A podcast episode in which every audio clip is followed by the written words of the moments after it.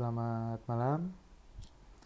Eh, selamat datang semuanya di podcast saya. Ini sebenarnya sih podcast coba-coba ya. Soalnya saya lagi di proses untuk belajar ngomong, belajar ngomong enak kalau nggak ada audiens. Oh ya, yang belum kenal, perkenalkan nama saya Pepeng. Saya seorang stand up komedian dari Surabaya. Ya nggak terlalu terkenal juga sih, belum pernah masuk TV juga. Jadi wajar kalau mungkin kalian belum pernah tahu saya it's okay. Santai aja. Jadi di podcast ini nggak tahu ya sebenarnya saya nggak tahu mau ngomongin apa. Cuma mungkin buat permulaan ini saya coba mau ngomongin tentang film. Soalnya saya juga di Twitter juga aktif bikin review. Kalau kalian mau cari hashtag review peng. Eh review poy apa review peng ya? Ya udahlah antara review tapi pakai p review ya itu udah dikoreksi sama istri saya kalau masuk juga suaranya. Ya jadi saya nyoba podcast ini pun juga masukan dari istri saya sih. Orangnya lagi sibuk ngetik di depan. Soalnya dari dulu dari lama sih dari saya kecil sampai sekarang dewasa saya punya problem untuk ngomong. Dulu ngomong di depan orang sekarang saya juga punya problem ngomong kalau nggak ada orang. Jadi ya cukup sulit sekali hidup saya. Anyway kembali ke masalah review. Saya mau review film Indonesia yang judulnya Susah Sinyal. Kenapa ya? Karena saya suka sih filmnya nggak saya udah ngikutin ngikutin filmnya Ernest Prakasa sejak dari yang paling awal. Dari ngenes cek toko sebelah sampai yang dia nggak jadi penulis ya dia main aja. Penulisnya si Benedion kalau nggak jadi kalau nggak salah film The Underdogs. Saya ngikutin semua dan saya suka. Soalnya menurut saya Ernest sama Raditya Dika itu kayak pionir. Pionir ya film komedi keluarga atau komedi romantis baru di Indonesia. Saya saya udah bosen sih dengan genre film komedi di Indonesia. Kalau nggak dulu ya guyonan yang saru guyonan yang ya ada cewek pamer belahan dan sebagainya. Kalau gitu ya guyonan-guyonan yang slapstick.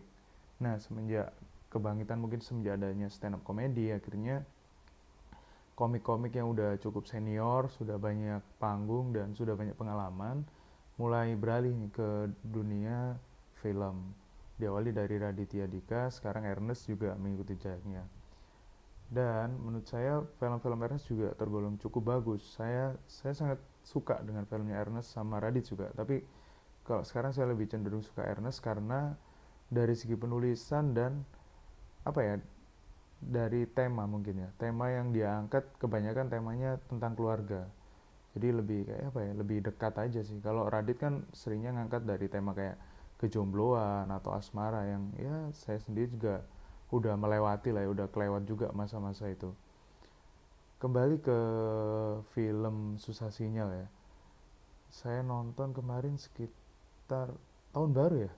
Ya sayang ya sekitar tahun baru ya. Mau tahun baru kalau nggak sudah tahun baru. Saya bela-bela nonton waktu itu hari Sabtu kalau nggak salah. Itu mahal-mahalnya tiket itu ya. Ya maklum ya orang-orang yang biasanya berburu tiket-tiket hemat di hari-hari weekdays hari itu nekat aja nonton di Sabtu. Soalnya udah pengen banget nonton film susah sinyal. Setelah ya ekspektasi cukup tinggi ya. Soalnya habis cek toko sebelah yang ya sempat bikin baper di adegan yang di scene di kuburannya mamanya siapa itu karakter utamanya? Lupa aku namanya. Di kuburan itu cukup cukup bagus oh cepet. Saya sempat ada ekspektasi tinggi dengan film susah sinyal ini. Akhirnya nonton lah. Apalagi yang bikin ekspektasi tinggi itu banyak pemain-pemain baru dan scene yang eh sorry bukan scene. Apa itu sebutannya ya? Tempatnya. Tempat itu apa sebutannya sayang? latar. Latar. Itu kayak drama banget ya? Apa ya? Scene latarnya ya? Scene latarnya itu di mana ya? Sumba ya di Sumba. Itu sebuah apa ya cukup cukup bagus ya. Soalnya kan secara dari pemandangan dan dari sebuah tempat dari timur yang mungkin jarang sekali diekspos oleh ya filmmaker filmmaker lainnya. Jadi saya wah ini kayaknya bagus nih bakalan bagus banget. Dan benar kalau dari sinematografi sangat sangat bagus. Karena Sumba basically tempatnya udah udah bagus cuma gak ada yang expose saja dan karena film susah sinyal ini mungkin orang-orang jadi bisa bisa apa ya bisa lebih mengenal Sumba lebih baik lagi. Dan mungkin dengan diekspos seperti ini sarana dan prasarana buat bisa ngakses lokasi-lokasi wisata di Sumba jadi lebih apa ya lebih bisa dikembangkan. Soalnya mungkin kalau saya baca-baca dari berita-berita yang apa ya kayak yang dimasukkan di Instagram susah, susah sinyal atau ya kayak behind tuh akses ke sana itu cukup sulit dan susah sinyal itu diangkat karena di sana memang benar-benar susah sinyal berarti sudah jelas di daerah tersebut daerah Sumba itu sinyal dan kayak prasarana itu sangat susah ya saya berharap dengan film ini apa ya mungkin pemerintah pusat atau pemerintah daerah jadi lebih aware dengan kondisi wisata Sumba yang berpotensi cuma aksesnya sulit. Dari segi cerita, dari segi cerita film Susah Sinyal awalnya cukup bagus plotnya. Saya dari awal agak, uh ini keren nih. Dari awal plotnya udah bagus, sudah udah keren, udah ngalir aja mulai merasa agak kurang serk ketika menjelang dari tengah ke finish ke closing film entahlah mungkin karena saya sudah ekspektasi duluan dari film cek toko sebelah jadi saya berharap kayak ceritanya bakalan lebih unik lagi nih closingnya atau apa ya kayak ramuannya agak lebih beda lagi nih dari cek toko sebelah. Ternyata kalau jujur saya kan juga ngefans dari film-film Ernest jadi saya juga harus jujur harus fair. Dari segi cerita agak kurang menjerang closing. Dari tengah closing apa ya kayak solusi untuk masalah-masalah yang muncul dari tiap karakternya itu kayak langsung dipangkas dipangkas habis gitu loh. Kayak dipaksakan untuk closing. Nggak diolah dulu atau mungkin terlalu panjang juga untuk mungkin set-set di awalnya set up di awalnya terlalu panjang jadi untuk punchline atau bagian closingnya tuh dipaksa langsung blek blek blek langsung closing seperti itu.